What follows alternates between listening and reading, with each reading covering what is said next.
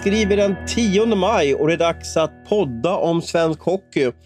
Det är ju så lite galet den här säsongen att den här finalen som avgörs nu både Hockeyallsvenskan och i SHL verkar ju inte ta slut. Men vi har i alla fall en vecka kvar av eh, högproduktiv och högkvalitetshockey.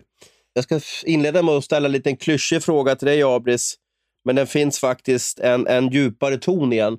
Hur mår du? Ja, men det är helt okej okay faktiskt nu. Det var lite jobbiga timmar igår kväll och i natt där. Jag tror att jag hade fått i mig något som inte var, var så lämpligt. Så att, eh, men det, det har rättat till sig nu, så att jag mår, mår bra, är laddad inför dagen och, eh, och sådär. Så det känns skönt. Man vill ju, helst, man vill ju vara på topp när det, när det ska avgöras. Jag vet ju att du är en råbiff-älskare. Uh, är det en uh, intresse som kommer förändras nu? Ah, jag vet inte. Det är ju lätt att skylla på den. Det kan ju ha varit något annat också, så jag vet inte. Jag ska inte det, det är ju svårt att, pricka in exakt vad det var för någonting, men, men, men något var det i alla fall som inte skulle vara, som inte skulle vara kvar. Och vi har också med oss Mattias Karlsson, eh, also known as Kolan. Då. Hur har din helg varit? Nej, den har varit mycket bra. Um, jag har tittat på hockey och jag har haft lite festligheter och sen har jag även varit med en av mina söner och spelat hockey. Så att, eh, ja, det var en, en bra helg. Ja, ja, men vad roligt. Eh, vi drar igång direkt och jag tänkte att jag inleda och prata med den hockeyallsvenska finalen. Jag ska upp här på måndagen och eh, antar att jag ska följa den där finalen till the bitter end. Då. Eh, Timrå leder ju med 2-1 och Det var ett helt sjukt uppehåll här. 20 dagar. Vad tycker du om eh, den hockeyallsvenska finalen generellt, Abris? Ja, nej, men det är ju lite olustigt nästan skulle jag vilja säga att sitta och titta på. Jag, jag försökte så gott det gick igår och, och se. Jag fick med mig det mesta och har även sett lite efterhand nu på morgonen här. Och, eh, jag, fan, det, det, känns inget bra i magen. I dubbel bemärkelse kanske var, man ska säga. Vadå olustigt?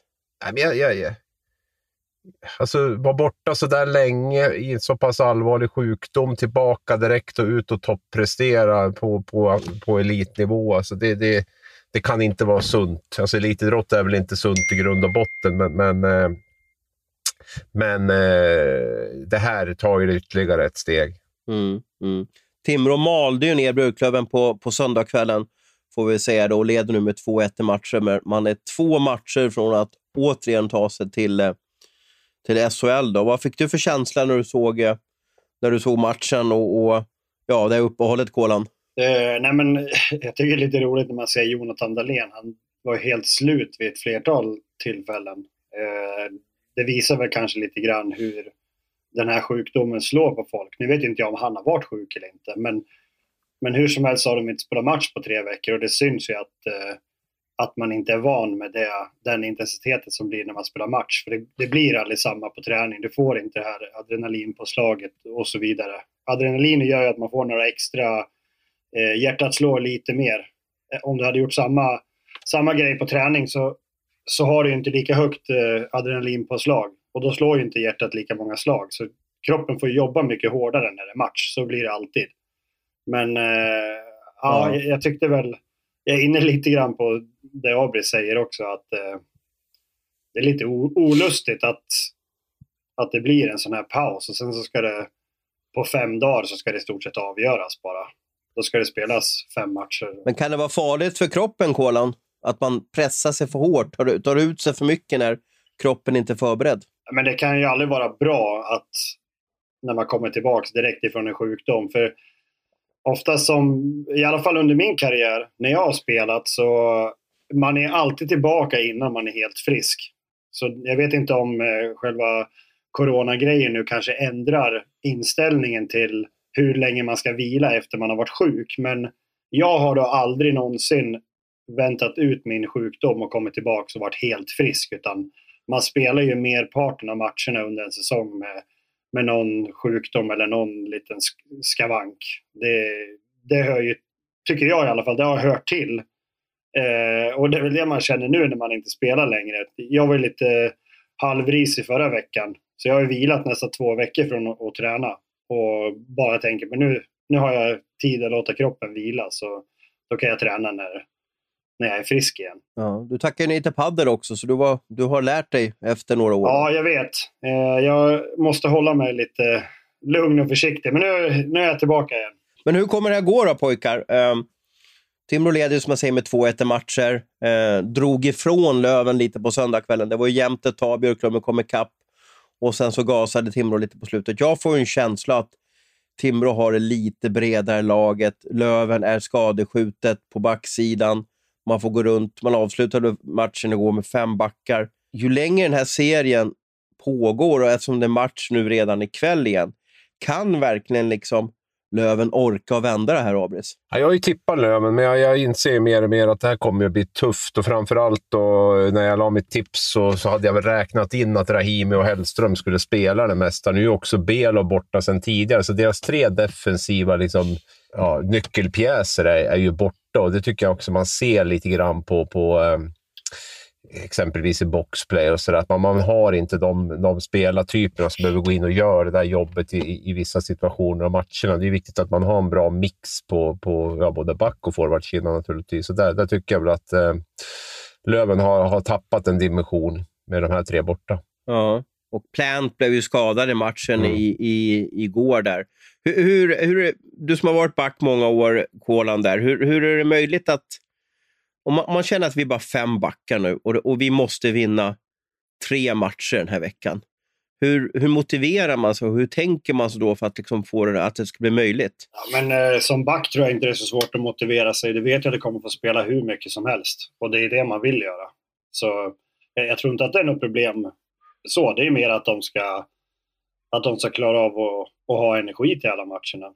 Det, det är inte säkert att, att det går. Jag tror inte att Björklöven kommer klara det. Men eh, de kommer nog göra allt de kan för att det ska, för att det ska gå. Hur gör man för att spara energi och spara kraft då, som back? Då? Ja, till att börja med så kan man ju...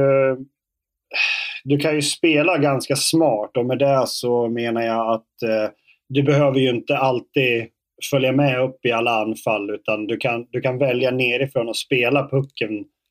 Du behöver inte åka så mycket med pucken utan låt pucken göra jobbet som man brukar säga. Att eh, du spelar pucken och sen så behöver du kanske inte följa med upp i en rush utan du kan, kan ta det lite lugnt. Du kommer ändå. Du kan komma i tredje våg istället för att komma och leda anfallet. En, det finns ju en del backar som är väldigt skridskostarka. vi, jag hade ju en eh, för några år sedan, han Kyle Kumiski, om ni kommer ihåg han.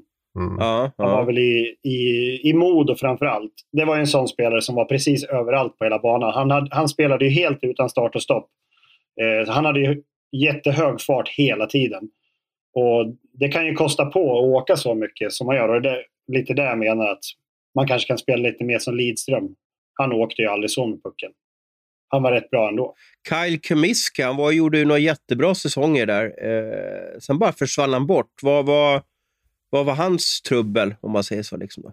Ja, han hade ju skadeproblem. Skellefteå plockade in honom där och det var, blev helt misslyckat. Han spelade knappt den säsongen. Va? Sen tror jag han har slitit med skador hela eh, sen dess. Eh, har inte kollat upp mm. han senast då, men jag vet i alla fall att det var... Han stora... spelade i Düsseldorf faktiskt, DEL, och nu 16 poäng. Då. Han gjorde ju hela 32 poäng i, i elitserien med Modo 2013. Jag vet att vi hade något program, där, Hockeystudion, där vi åkte runt och delade ut pris till månadens lirare. Och då vet jag att han plockade väl hem två stycken av dem där och, och, och kanske var, kanske var elitseriens bästa back den här säsongen. Mm. En sån där spelare är lätt att se för att han, han åker ju och har mycket puck. Det är, det är svårare att se de här andra killarna som kanske spelar, spelar enkla passningar och, och inte gör några misstag. Eh, även när du spelar bra så syns det ju inte. När du bara passar fram de här korta insticken och, och sådär. Så mm, det behöver inte bara vara positivt att synas hela tiden. Nej, nej. Det har varit en speciell hockeyallsvensk final ja, på många sätt. Eh, men kanske speciellt med det här att det blir ett uppehåll på hela 20 dagar här nu mellan, mellan matcherna. Björklöven verkar ju inte riktigt vara där ännu, det vill säga att man är slitet och så vidare. Ska man försöka skjuta upp de här matcherna ännu mer för att ha, vara bättre, komma bättre förberedd när det väl drar igång? Kan man dra, kan man dra ett sånt, om man säger kort innanför snuffar, om ni förstår hur jag tänker? Alltså, kan man, kan, skulle Björklöven kunna vinna på att skjuta upp de här sista matcherna ännu mer? Om det nu är praktiskt möjligt. Nu har ju Björklöven varit det laget som har haft längst tid på sig. De har visserligen haft fler smittade. Eh, samtidigt så har ju de haft längre tid på sig nu och varit på is. Nej, jag, jag, jag vill nog bara försöka avsluta den här säsongen. Det kommer ju inte att bli, kommer inte att bli rättvist på något sätt hur vi än gör. Om vi så väntar till, till augusti så kommer det inte att, att bli någon rättvisa i det här. Så nu är det nog bara att, att spela klart det här. Um, och så får det bli, får det bli som, som det blir lite grann. Det, är ju, det blir också mm. intressant. Hur kommer vi att se på den här säsongen i ett historiskt perspektiv? Alltså det är helt sjukt. Det är inget folk på läktaren, det är långa uppehåll för covid. Spelare tvingas spela direkt de kommer tillbaka. Så jag undrar hur vi kommer att tänka om tio år om den här säsongen. Och sen har du ju också en, jag eh, satt och läste någon krönika i, i, eh, om den här hockeyallsvenska finalen och då, då var någon som skrev där, tappar ju eh, krönikörens namn tyvärr nu, eh, men att fallet för det laget som förlorar blir oerhört stort också. Det vill säga att man kanske avslutar säsongen 15 maj. Eh, man har satsat för att ta sig till SHL. Man går inte upp. Man tappar sina bästa spelare. Man måste börja bygga om från början igen. Och nästa år så har vi HV71 i Hockeyallsvenskan som med mycket stor säkerhet kommer göra allt för att ta sig upp direkt och satsa, ha råd att satsa.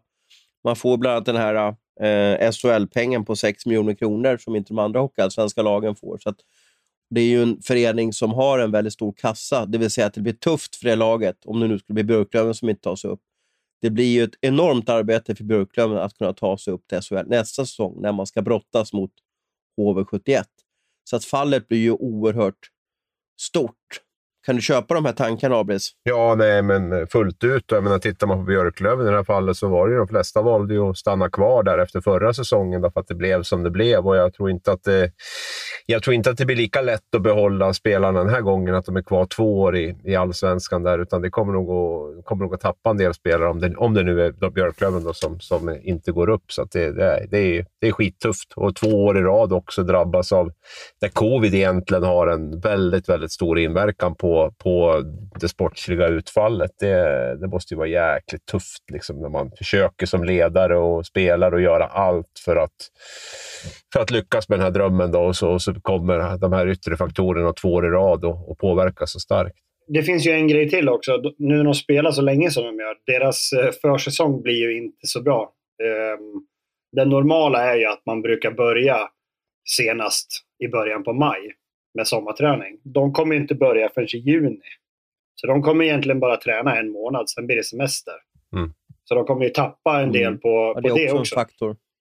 Nästa måndag eh, så är hockeysäsongen slut. Eh, det vill säga, då har vi ett nytt lag då, eh, i SHL. Och vi säger att det blir Timrå då. då. Eh, du gick ju upp med, med Leksand, Kolan. Vad, vad, vad, måste Timrå göra? För de har ju varit uppe och vänt en gång här för något år sedan. Sådär. Vad, vad måste de göra för att kunna hålla sig kvar i SHL? Man måste ju vara medveten om att man behöver ju uppdatera truppen. Det är ju nummer ett. Du måste ju in med en helt ny femma i alla fall. Två toppbackar och tre toppforwards minst. Och sen så måste man göra allt för att kunna ha kvar Jonathan Dahlén, men det tror jag inte är något problem om de går upp. Han verkar ju inte vilja spela någon annanstans. Eh, men det är väl de sakerna som jag ser som viktiga. För det, vad jag förstår så är det ju en del spelare i Timrå som är klar för andra lag. Men jag vet inte hur det blir om de går upp. Det kanske ni har bättre koll på. Ja, alltså Kent Norberg, sportchefen, sa ju till oss i en tv-sändning att, att han hade ju klart med alla spelare om de går upp. Det var, det var ingen spelare som, som, eh, som skulle lämna då, utan de var väl skriven så i alla fall. Så att går de upp så, så gör de det med Timrå. Okay. Det skulle inte bli så här som när de gick upp, gick upp förra gången när Didrik Strömberg och några till lämnade för de hade gjort klart redan. Utan nu, nu fanns det väl en sån, ett sånt, en sån uppgörelse mellan dem som jag fattade. det. Ja, men det är ju bra. För då kan de ju ändå kanske behålla en, en stomme med spelare som har, som har varit där ett tag. Sen går de upp i SHL så tror jag just för Timrås del är det bra. Det finns ju lite folk. Jag menar Anton Lander är kanske sugen på att komma hem. Jag vet inte hur det ser ut för han. Eh, det kanske finns, jag tänker en sån som som vi precis sa där, Didrik Strömberg, han kanske kan komma tillbaka när Timrå har gått upp och HV har ramlat ur. Jag vet inte, men det, det, borde ändå finnas lite spelare som kanske kan vara aktuella för... Jag tror ändå att Timrå och Sundsvall är en, eh, ett attraktivt ställe att, att bo på. Så mm, de har nog inga problem att locka till sig spelare om det bara finns en, en god ekonomi. Vi har ju Pääjärvi också då, som eh, har varit ute väldigt många år. Då. Nu har ju varit i Jaroslav och Moskva här eh, senaste tiden. Han kanske också är sugen att komma hem, vad nu hem är för honom, om det är Skåne eller, eller Sundsvall. Det ska jag låta vara osagt. Men de har ju en del godbitar som är lite rätt ålder att kunna komma hem. Så att eh, Kent Norberg får ju, får ju jobba där. Måste ju ha en riktigt bra målvakt också, har man ju märkt. att Kanske ett supermåste för att kunna hålla sig kvar i, i eh, eh SHL. Uh, eh, tror ni Timrå har större chans än Björklöven eller tvärtom att, att på sikt bli ett stabilt SHL-lag? Vad säger du, Abris? Jag tror väl kanske Björklöven på sitt sätt med, med, med en större, ja, något större stad i alla fall och, och, och, väldigt liksom att allt ligger i Umeå där. Timrå är ju lite mer uppdelat, Timrå och Sundsvall. Eh, så har väl de kanske större förutsättningar på det sättet. Samtidigt som jag tycker Timrå känns stabilare som organisation på något sätt. De, de, de, eh, Kent Norberg har varit där länge. Han, han, han, eh, och liksom det, är ett, det är ett större lugn ändå, även historiskt, runt Timrå. Björklöven har ju ja, nästan jämt varit en lite halvstrulig klubb. Sådär. Och där, därför tycker jag kanske Timrå på det sättet. Så jag skulle säga att det är 50-50 där lite grann faktiskt mellan, mellan de två lagen. De har olika styrkor och eh, olika svagheter. Vi får se vad som händer. Eh, det är alltså två hockeymatcher som pågår just nu, i, eller två finaler får vi säga. Så vi har också final i SHL. Då har Växjö skaffat sig smashläge. Eh, jag tycker att det här är nästan lite orättvist med Växjö. Vad, vad säger du, Kola? Jag tycker nästan Rögle har varit bättre i, i många av de här matcherna. Ja, jag håller med helt klart. Men det är väl det som är grejen med Växjö, att de ser ju aldrig bra ut. De är bra fast de ser inte bra ut. De vann serien och de har ju fortsatt på samma väg här i, i slutspelet. Det är ingenting i spelet som... Det, det, går inte jättefort, men de är, de är skickliga på att hålla i pucken och de skapar sina målchanser ändå. Inte jättemånga målchanser, men tillräckligt många för att, för att göra mål. Sen eh, har de ett väldigt stabilt försvarsspel. Och nu får de ändå spela mot det, som jag tycker är det bäst spelande laget i serien. Eh, och Växjö visar ju ändå att de klarar av att stänga ner dem. Så att de är ju, tycker jag, värdiga vinnare om de nu går och, och vinner. Mm. Du ska ju ner ikväll här, eh, Abis. Du ska sätta dig på tåget precis efter vår podd. Där. Det blir en lång resa till, till de mörka Smålandsskogarna. Vad har du för förväntningar på kvällens match då? Känslan är nog att det kommer att se ut ganska mycket som det har gjort. Eh, det var väl i... Ja, vad blir det nu då? 3-1 står det nu. Det var ju i, i tredje matchen då, som, som Rögle fick lite utdelning. Lite, lite enklare utdelning än man fått tidigare, som jag kände att man liksom lyfte lite grann och seglade ifrån. Men annars har det ju varit ganska, ganska likt. Liksom att Rögle kommer ut ganska bra, och sen, men sen, sen lyfter det inte riktigt. Va? Utan man, man, jag tycker också, precis som Kolan, att det är Rögle känns ju som det bättre laget, men, men, och, och Växjö imponerar väl inte fullt ut någon gång egentligen, förutom att de, de vinner ju matcher och då, det är ju jätteimponerande på sitt sätt. Så jag, jag, tror att det kommer att bli en väldigt jämn, tajt tillställning idag och jag blir inte förvånad om, om Växjö vinner i sadden. Och det kanske Pontus Holmberg avgör också. Igen, ja. Det vore helt sjukt. Ja. Sportbladet har ju en, en eh, rutin och erfarenhet, så jag tror att den eh, började väl kanske 2000 ett. Du får flika in här AB som är ute och cyklar. Men vi guldmålar ju alltid någon, någon typ av hjältar, guldhjältar då. Eh, vem tror du blir guldmålad i Växjö om de vinner ikväll?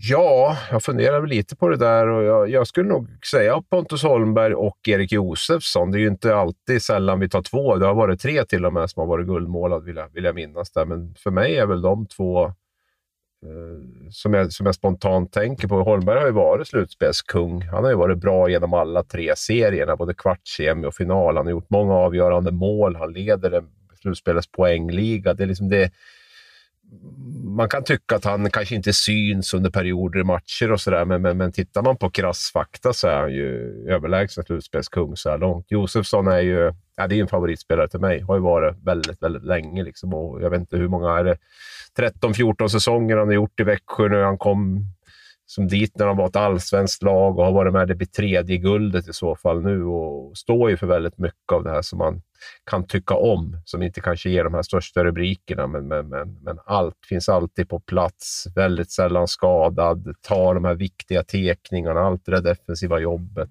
Nej, det är för, mig, för mig är det de två som, som jag tycker vi ska lägga guldfärg på. Hur gammal är Josefsson? Han är 34. 34. Okay.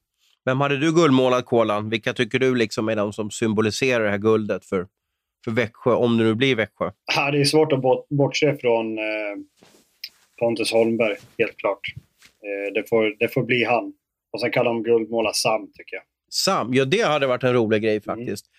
Vi har väl aldrig guldmålat en tränare, Abris? Nej.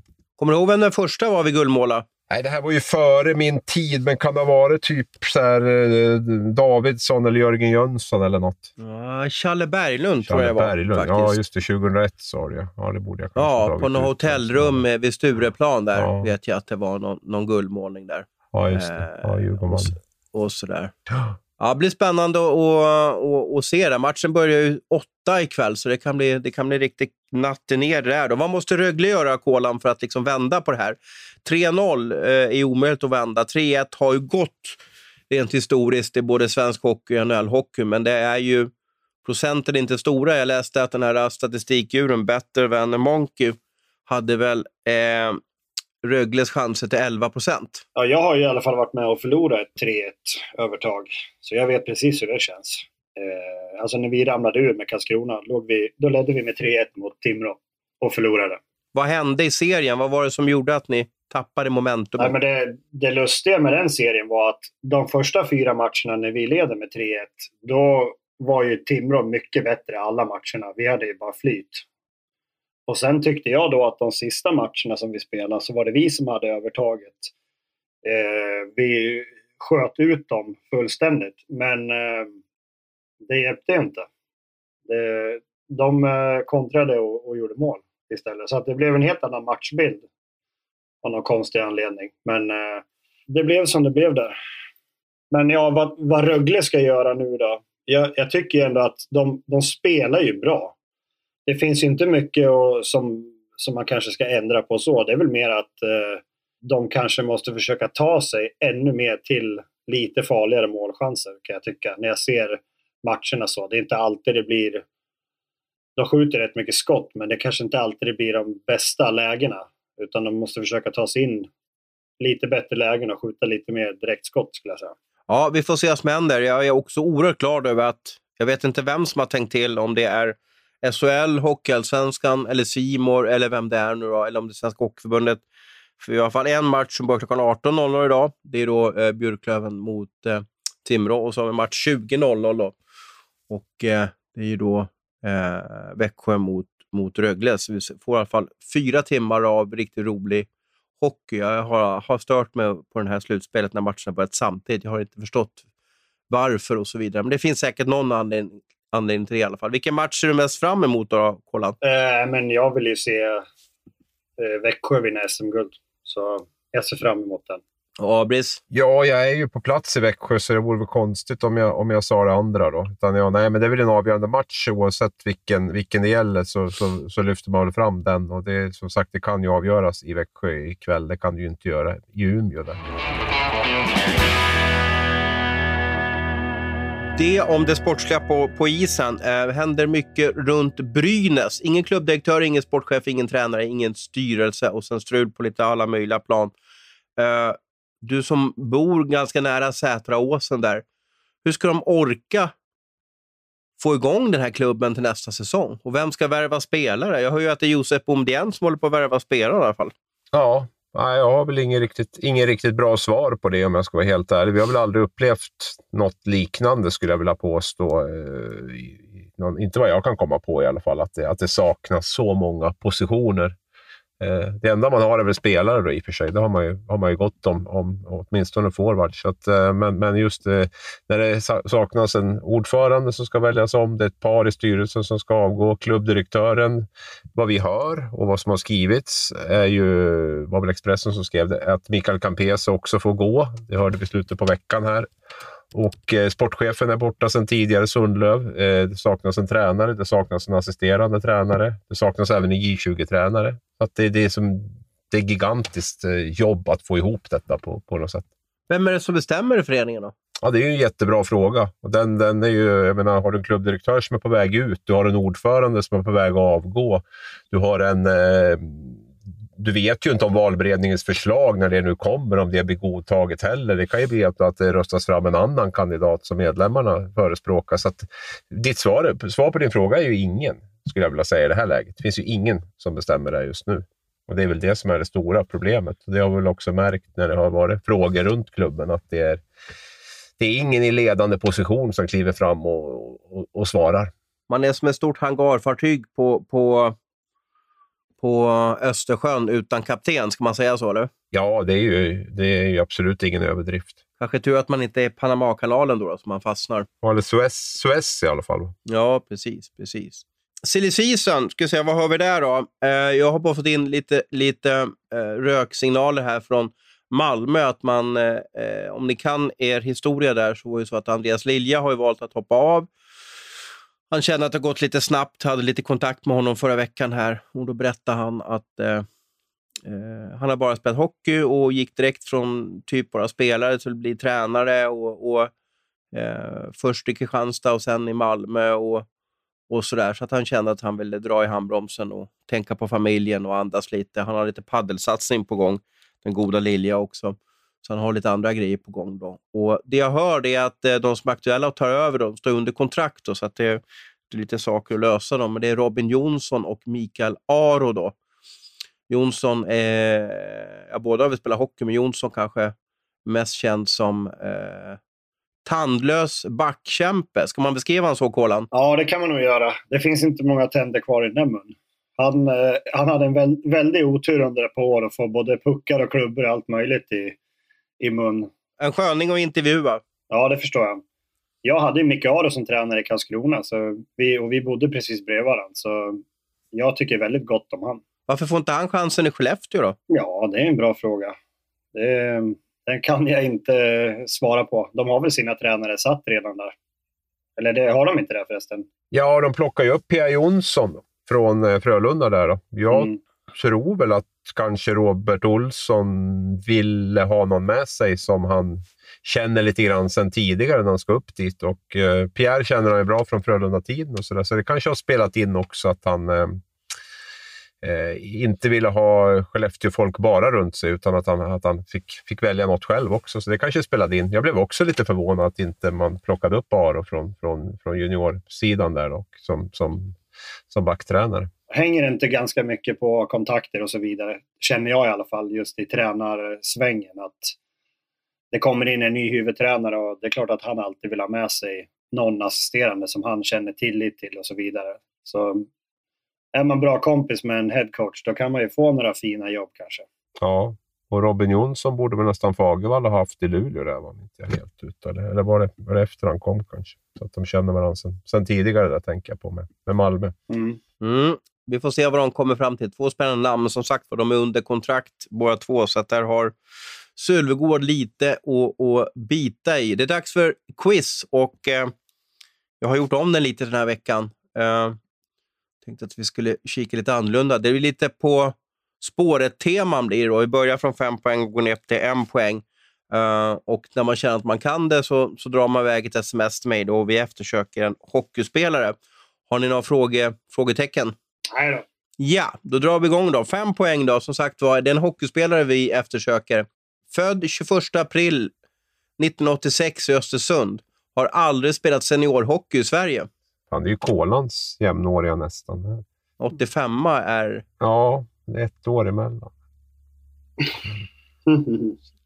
Jag får inget sms. Inte än i alla fall. Nej, kör på.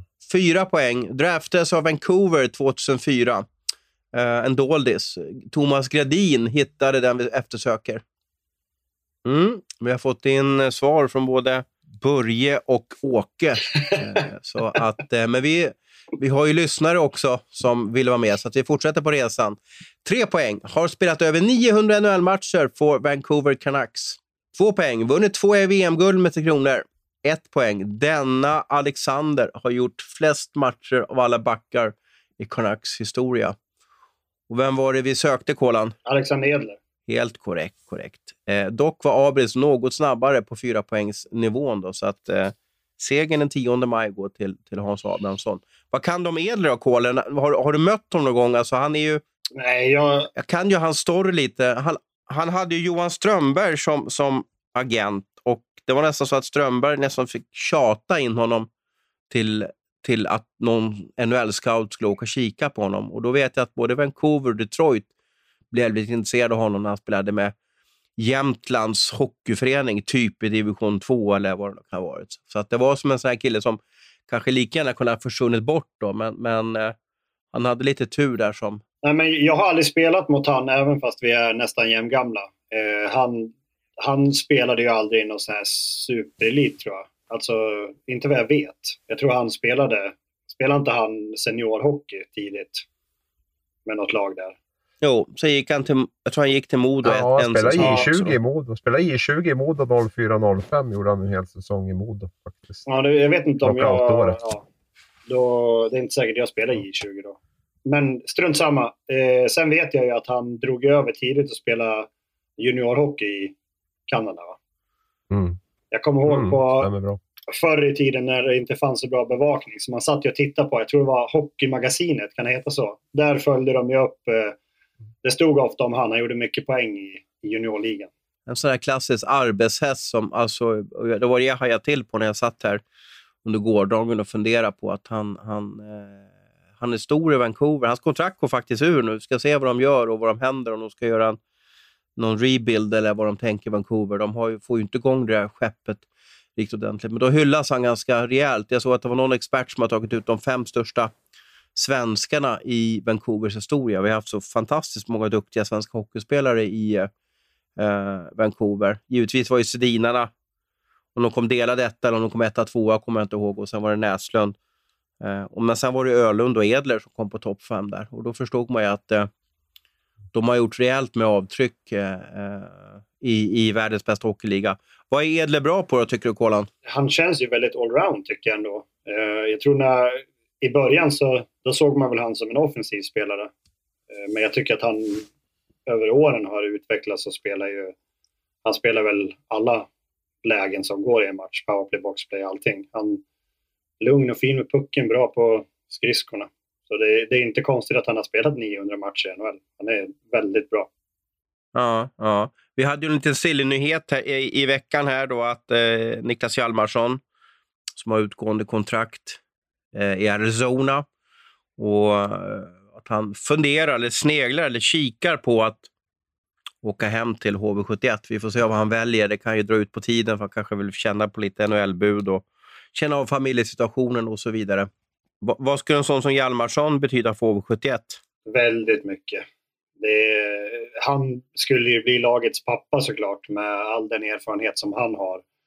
Eh, och jag tror också att det sänder en signal, en väldigt stark signal om att den här sessionen i Allsvenskan ska bli väldigt kortvarig. Ja, jag får en känsla av att jag vet, inte, jag vet inte om han kommer lysa på isen, för han är ju inte en sån där Kyle Kamiski-typ som, som du pratar om, utan, utan på isen kanske man kommer bara se en, en, en rejäl, rejäl back och de, de lyser ju liksom aldrig riktigt.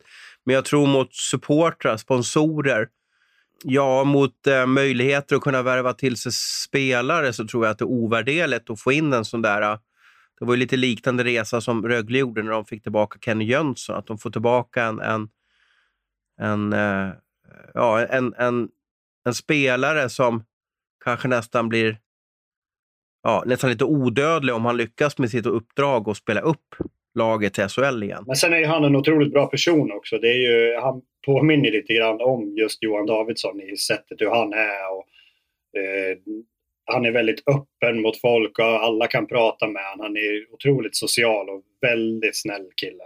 Vad, vad krävs det? Nu har ju inte du varit NHL-stjärna, Kolan, som, som, som Hjalmarsson har varit här. och så där. Men vad krävs det för en sån kille att kunna ja, motivera sig att åka och spela, ta bussen och åka till Västervik? Jag tror inte att det är något problem för han. Det är hans... Eh, menar, han, han har tillbringat väldigt mycket tid i HV71. Det är ändå hans nu är inte han från Jönköping från början, men eh, Eksjö. ja, han har ju tillbringat sina juniorår och, och det här och han bor ett stenkast från ishallen i nästan ett palats kan man väl säga. Ehm, så jag tror att HV71 betyder väldigt mycket för han och jag tror att någonstans han vill nog gärna vara med på en sån här resa att ta upp dem igen. För han får ju, som vi säger, en sån status kanske att eh, man, man kommer aldrig att glömma honom om han är med på den här resan.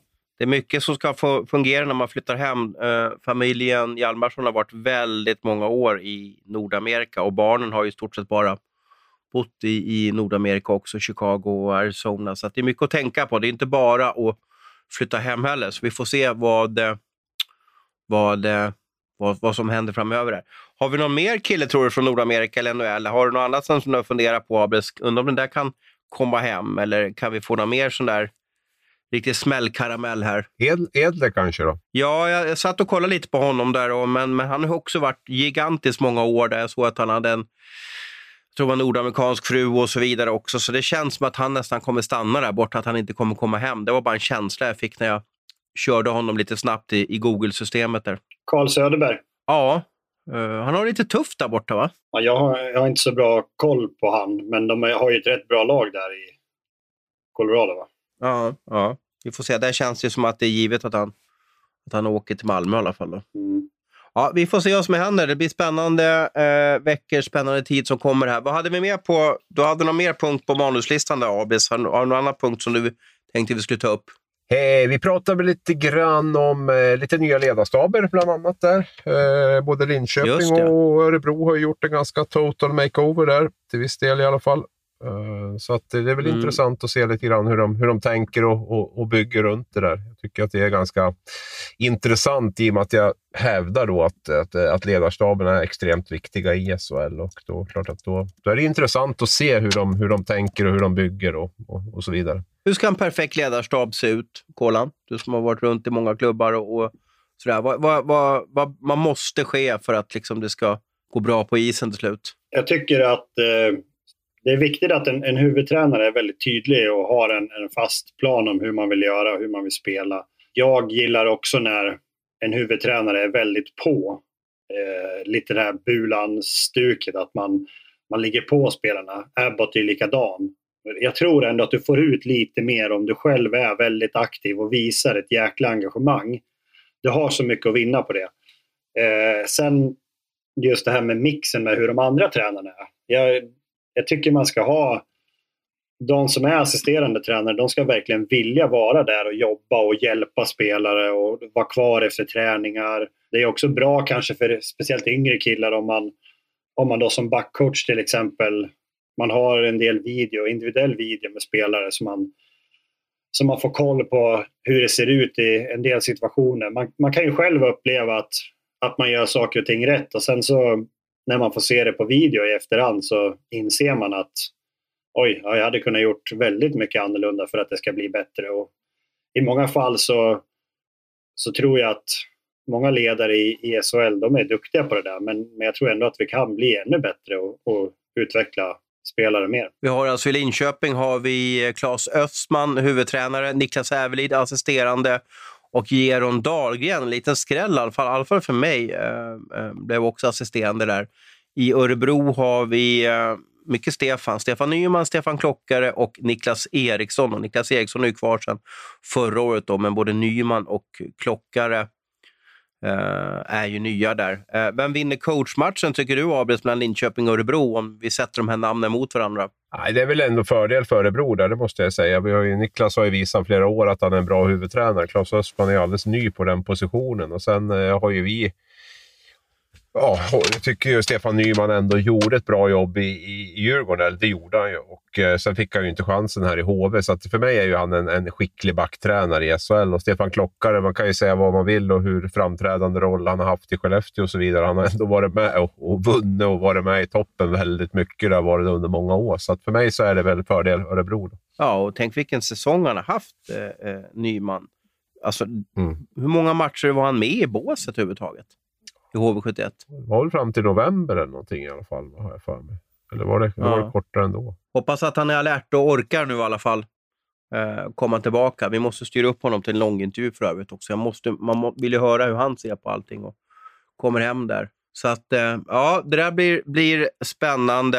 Eh, vad har du någon mer spaning över veckan, Kolan? Har du några andra tankar som du, som du tycker att våra lyssnare måste få känna till? Jag tyckte att det var lite intressant, utvecklingen som blev. Nu går vi över till NHL. Eh, New York Rangers, Washington. Med han Tom Wilson som gick lite, lite bananas där. Och, eh, matchen efter så hade vi var det sju man i varje lag i utvisningsbåset. Det var ju fullständigt kaos. Det är lite ovanligt att se. Hur ser du på allt det där? För det handlar ju om en, en buse som ger sig på en lirare i ett annat lag. Och eh, lirarens klubbchef då, eh, går bananas då och blir, och blir då till slut också då... Eh, sen får Rangers böter av NHL. Och jag såg Kevin Bjäxa, då, gamla Vancouver-profilen där, gick ut och, och, tyckte att, eller försvarade Wilson att eh, man, väljer man att stå upp i ett bråk så får man stå upp, även fast man heter Panarin eller, eller vad man heter och så vidare. Vad, vad har du för regelbok eller, eller lagbok i, i sådana här lägen, Kolan? Jag tycker att det här är ganska svårt. Han har gått över gränsen så otroligt många gånger. Eh, och det han gör där är ju, det är ju inte okej. Okay. Och det blir ju liksom, han, jag vet inte vad han har för, eh, för årslön men 5000 dollar i böter är ju inte speciellt mycket för en kille som tjänar ett par miljoner om året. Eh, men någonstans så, vi pratade det här med om att man ska tillåta slagsmål och så vidare. Jag sa ju faktiskt det för någon av de här poddarna som vi hade att jag tycker att man kan, att man kan tillåta det. Eh, då är ju det här som kan bli resultatet av det. Det är inte jättekul heller. Det som jag egentligen menade med att man ska tillåta är ju att det, när två stycken står och, och boxas med handskarna på så behöver man inte dela ut ett matchstraff. Man kanske kan nöja sig med två plus två till exempel så spelarna fortfarande får vara med i matchen. Det är lite mer så jag tänkte just kring det. Men eh, det är lite konstigt när det, det ska hämnas men det blir ju att folk som inte har någonting med det där att göra ska stå och göra upp med varandra. Så det, det blir, jag vet inte, jag tycker det ser nästan det ser liksom löjligt ut tycker jag. Men är, är det jag som eh, har missförstått allting? Men, men tror alla nu att vi ska få slagsmål i svensk hockey? Det är väl bara en liten annan eh, bedömning och en annan regelbok när det handlar om, om eh, eh stora lilla straffet för, för matchstraff, Abris. Eller har jag, har jag missat någonting igen?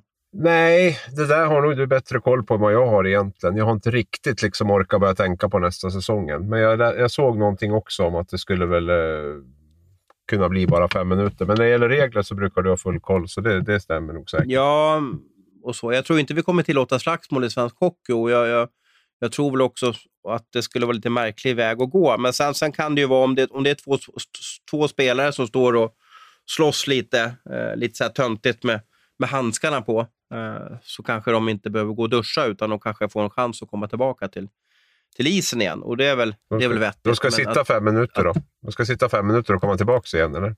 Ja, som jag har förstått. För det har ju aldrig, det har ju aldrig hänt tidigare. Har du fått fem minuter oavsett förseelse så är det ju, så är det ju dusch och godnatt. Va? Mm, mm.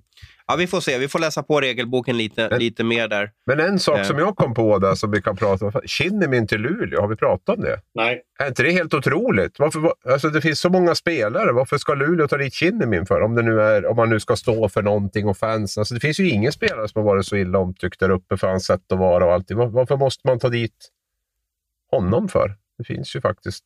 Är, är det så viktigt för dem att Kinnimin som spelare kommer dit? Eller, eller vad tycker ni? Han står ju för någonting. Alltså, eh, han stod ju för någonting i Växjö. Sen vet jag inte vad som gick fel i Växjö, om det var för många problematiska grejer. Han har ju en tackling mot Oskar Nilsson vet jag som blev omdiskuterad. Uh, att, att det kanske blev för mycket för, för Växjö. Ja, men alltså hans, jag... hans problem har ju varit den här filmningssidan. Det är ju den som har varit problemet. Och Luleå som klubb, inte minst supportrarna, alltså vill ju stå för någonting, vilket jag har stor respekt för. Och där ingår ju definitivt, det gör väl inte i något, någon klubb, men är det någon klubb som har liksom verkligen tagit avstånd från det här med filmningar och avstånd från en enskild spelare så är det ju Luleås supportrar och Kinnimin. Och jag, jag har lite svårt faktiskt att förstå varför det är så viktigt för, för dem att ta dit Kinnimin nu helt plötsligt. Och för, jag kanske är lite så gammal och nostalgisk, men jag kan ju tycka att om man nu står för någonting och verkligen avtryckt den avskyn för, för den typen av spelare han har varit och företrätt som när det gäller den här filmningsbiten. Då, då, då, betyder det ingenting, då, utan då kan man plocka dit han i år och så säger man att nu är allt glömt, nu, nu kör vi. Liksom. De kanske har ändrat uppfattning efter att de har sett Tyrväinen spela i år. så nu ska jag Luleå bli kolla lite re ja. ja. Jag försökte kolla lite reaktioner på det men det kändes som att Luleå-fansen... Ja, jag alltså... vet ju att det var... Jag, jag, säger inte att det är en liknande grej, men jag vet att någon när, när eh, Marcus Nilsson, då, eh, för detta NHL-kille och, och spelade Djurgården i många år, när han lämnade Djurgården och, och, gick till HV och sen skulle tillbaka till Djurgården, då satte ju fansen ner foten och, och, det blev ju aldrig bra på grund av att fansen inte, de hade krismöten där med styrelsen och så vidare. Fansen gillade ju inte att, att klubben tog tillbaka Marcus. Uh, I det här fallet så, så verkar det vara lite annorlunda. Att fansen, jag tycker nog, de är misstänksamma mot det hela, men känner jag känner att de får suga lite på det så tycker de nog att det är okej. Okay. Det var ju en liten annan bakgrund med Marcus Nilsson också. Jo, det var det. Var. Men han har ju Kinnimin har väl nästan en egen ramsa där också. De, de, de, har ju mer fokus på honom när han har varit hos Växjö än, haft, eller, än de har haft hos sina egna spelare. Ja, och jag har inget emot Kinnimin och jag tror säkert att han kan göra det bra i Luleå. Det, det, han passar säkert in, men, men, men det, det, blir för mig lite konstigt. Man säger liksom adjö till Fabricius och så plockar man in Kinnimin och, och så ska man fortfarande... För det är väl jag också som tycker att Luleå har haft liksom en liten egen identitet även från, från tidigare. Att man, ja, man har en viss liksom attityd där uppe. Och det är liksom lite, man har inga klappor, utan det klappas med händer och man, liksom, man gillar spelare som, som, som står upp och, och, och liksom inte ramlar omkull och, och sådär. Man hånar ju plastklubbar hit och plastklubbar dit. Men då, för mig blir det här lite, lite konstigt faktiskt. Just för att jag tycker att det finns andra bra spelare man kan ta dit i så fall om man vill ha någon typ av integritet, integritet kvar. Hur är han att möta på isen, Kolan? Jag tycker han är rätt så bra som spelare. Han är ju ganska liten och ettrig, bra skridskoåkare. Eh, sen är han ju... Ja, han, han, är ju svår att spela mot på det att han, om du rör han så kan han helt plötsligt falla ihop bara. Det är som att någon har monterat bort skenorna på skridskorna ibland. Så eh, det, det kan vara... Sådana spelare är ju svåra för att rör du dem så ramlar de ihop och så kan du sitta i utvisningsbåset fast du egentligen inte har gjort någonting. Så de är lite obehagliga de där spelarna. Han har ju eh, domarnas ögon på sig hela tiden. Jag gjorde en intervju med honom i höstas och då, då sa han det. Att han, och det tycker alla de här busarna. Jag känner igen det när man pratar med många av de här också. Jämtin och, och, och Kåberg. Och, att de tyckte att de fick liksom mer utvisningar på grund av sitt nummer eller sitt namn på ryggen. Och det tyckte ju Kinnamin att han var liksom förföljd. I Tyskland, han har varit i Tyskland nu, Mannheim den här säsongen. Och då tycker han att där får han chanser och domarna är så schyssta mot honom. Men i Sverige så tyckte han ju att han var jagad byte där. Så det talar ju också emot det. Varför ska han välja Sverige igen, komma tillbaka och, och ja, det blir ett jäkla liv och, och, och domarna, direkt när han gör någonting så får han två minuter och så vidare. Men eh, han kanske gillar svensk hockey, eh, kanske gillar Sverige och sen handlar det väl om löner också. Jag vet inte hur lönenivån är i tyska ligan jämfört med, med svenska ligan. Har, har, har inte direkt superinsyn hur lön, lönerna har gått under pandemin här i DEL. Nej, och det är, alltså, jag vill ju förtydliga det att det är ju en, alltså, han är, det är ju en duktig spelare och otroligt liksom bra att ta media tycker jag, även när det har varit blåst lite runt honom. Och så, så det är inte att jag har något personligt emot varken Kinnevin eller Luleå. Jag bara funderar på det var väl den sista ändå man tänkte skulle kanske gå till Luleå. Men det, gränserna är kanske helt utsudda när det gäller, gäller den där typen av, av saker. Har du haft någon sån här klubb som du har känt om att det varit helt kört för dig att gå till Kolan? Eh, jag, det har inte varit något sånt på grund av att jag kör över någon, för jag tacklades ju inte speciellt mycket när jag spelade. Men eh, jag tror ju att jag skulle ha svårt till exempel att komma tillbaka till Timrå med tanke på hur vi avslutade ja, hur uppbrottet blev där och samma med Karlskrona hade kanske också varit svårt för det slutade på samma sak. Jag, jag har ju alltid eh, stått upp för vad som är rätt för, för oss spelare och jag blir alltid förbannad när klubbar inte kan ge rätt för sig. Har man tagit på sig ett, ett uppdrag och eh, man skriver kontrakt, då ska man också följa det. Och när klubbar inte gör det så, så hamnar man i, jag hamnar i konflikt med dem. Och det är bara två klubbar som inte har skött den ekonomiska biten och de två klubbarna har jag hamnat i konflikt med. Så um, det är på grund av det som, som gör att jag inte skulle komma tillbaka dit för fansen de gillar ju inte mig. De gillar ju sin egen klubb men de har ingen aning om att klubben inte kunde sköta sig just då. Mm.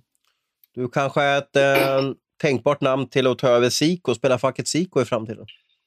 Nej, det tror jag inte. Eh, men jag skulle ju kunna tänka mig att, att, vara med och hjälpa till där för jag, jag tror ändå att det finns, eh, det finns grejer som man, man skulle kunna vara med och hjälpa till med och jag, jag är inte rädd för att tycka saker heller. Så ja, kanske. Får se vad Saki på Sika om han, om han hör av sig någon gång. Precis. Jag vet ju att i Karlskrona så slarvar de och var sena lite med pensionsdelen av lönen där. Vad var det som strulade i Timrå som, du, som propparna gick på dig? Nej, men det var ju samma sak. Eh, och på den tiden så visste inte jag Aha. regler och så vidare. De var ju, de var ju skyldiga, tror jag, sex månader pensionsbetalningar. Så det är ganska mycket pengar vi pratar om. Eh, ja. ja. så att... Eh, och den statliga lönegarantin, den täcker ju bara 180 000 eller vad det är. 160, det är någonting sånt där. Så hade klubben gått i konkurs så hade jag då personligen blivit av med kanske en halv miljon kronor som jag inte hade fått tillbaka.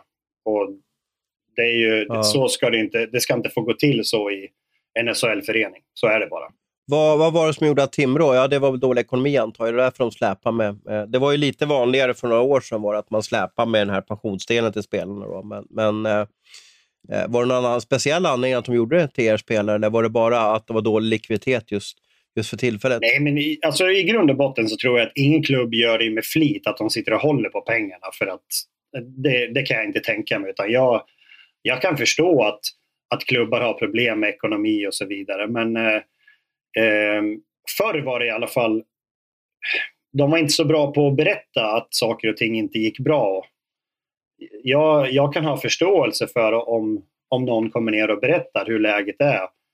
Men eh, det var inte så ofta sådana uppdateringar kom utan man, det kom bara inte in några pengar. Så ja, det är ändå, det är ändå min framtid. De pengarna som, som jag sätter av där. Det är någonting som jag ska kunna leva på när jag slutar med hockeyn. För då har jag rätt många år kvar där jag har hamnat nu. Jag är 36 och har, jag har ingen utbildning eller någonting. Så att de här pengarna är ju något som, som jag behöver ha. Och då vill man ju inte ge bort dem för att ja, någon klubb slarvar. Mm, mm. Jag fattar. Jag tror att man, man som hockeyspelare är, är, är, ganska liten där, kan jag gissa på något sätt. Man vågar inte stöta sig eller, eller något sånt där. Jag kan gissa att det är så mycket pengar i omlopp och att ett nytt kontrakt ska skrivas längre fram och då, då vill man inte bråka. Har jag rätt där? Nej, men så är det ju. Och sen tror jag i, i många fall ni... Eh, journalister, ni är ju ganska duktiga på att snappa upp när sådana här grejer kommer. Att eh, det är problem med ekonomi och så vidare. Och då, ni försöker få tag på spelare som vill prata, eller som vågar prata. Och det är inte så många. Det är en sån som jag som kan, kan göra det. Eh, många, jag tror en del klubbar vill ju att, att det ska vara locket på. Och att de ska kommunicera ut. För det vet mm. jag i Karlskrona till exempel. Då, då gick ju hon som var klubbdirektör gick ut och kommunicerade ut siffror som, som var felaktiga. Hon, hon, hon ljög ju i tidningarna. Så det, det stämde ju inte det hon sa. Hon sa att det, att det fattades 3000 kronor. Det finns väl ingen människa i hela världen som skulle bråka om 3000 kronor. Alltså på en pensionsutbetalning. Så det var ju bara... Då förstår du ju att man, att man som enskild spelare då vill att det här stämmer ju inte. Det måste ni förstå. Fansen måste ju förstå. Jag vill ju inte vara en sån person som ja, jag går till tidningen för 3000 kronor. Det var ju, så är det absolut inte. Så man vill ju på något sätt få, få en upprättelse i det där. Mm, mm, mm. Ja, vi får se vad som händer. Men visst sköter klubbarna bättre nu? Va? Eller är det bättre kontroll och koll på det hela? Eller vad, vad hör du nu för tiden från dina hockeypolare? Nej, jag, som jag förstår det i alla fall här med, med Leksand, allting har skötts eh, jättebra. Jag hade inga som helst problem. Eh, och jag, till exempel i HV hade jag aldrig några problem. Det var en förening som skötte sig exemplariskt. Så det är som jag säger, jag spelar på så många olika ställen men det är bara de här två klubbarna som jag hamnar i clinch med och det är tack vare att det inte har skötts så bra. Men, men eh, det du säger. Jag tror att många sköter sig bättre nu för tiden än vad det var förr. Och det är ju för att man har fått en större... Spelarna har fått en större insikt i att man måste vara noga med den här eh, statliga lönegarantin. Att det kan släpa en månad, det är okej, okay, men, men mer än så får det inte släpa för då hamnar man utanför den här statliga garantin. Då. Ja, bra lektion från eh, Mattias eh, Karlsson. Nu är det dags för oss att avrunda. Eh, Abri ska springa till Gävle tågstation och sätta sig ner och mysa lite med, med, med SJ och hoppas att eh, tåget går bra, även fast det stökar lite. med Mycket regn har vi här i, i Stockholm och jag ska börja, börja med mig norröver till, eh, eh, till Umeå. Får se om det är snö kvar där uppe och kolla på en rolig match. Eh, tack för att ni lyssnade på oss den här veckan och ha nu en underbar eh, hockeyvecka.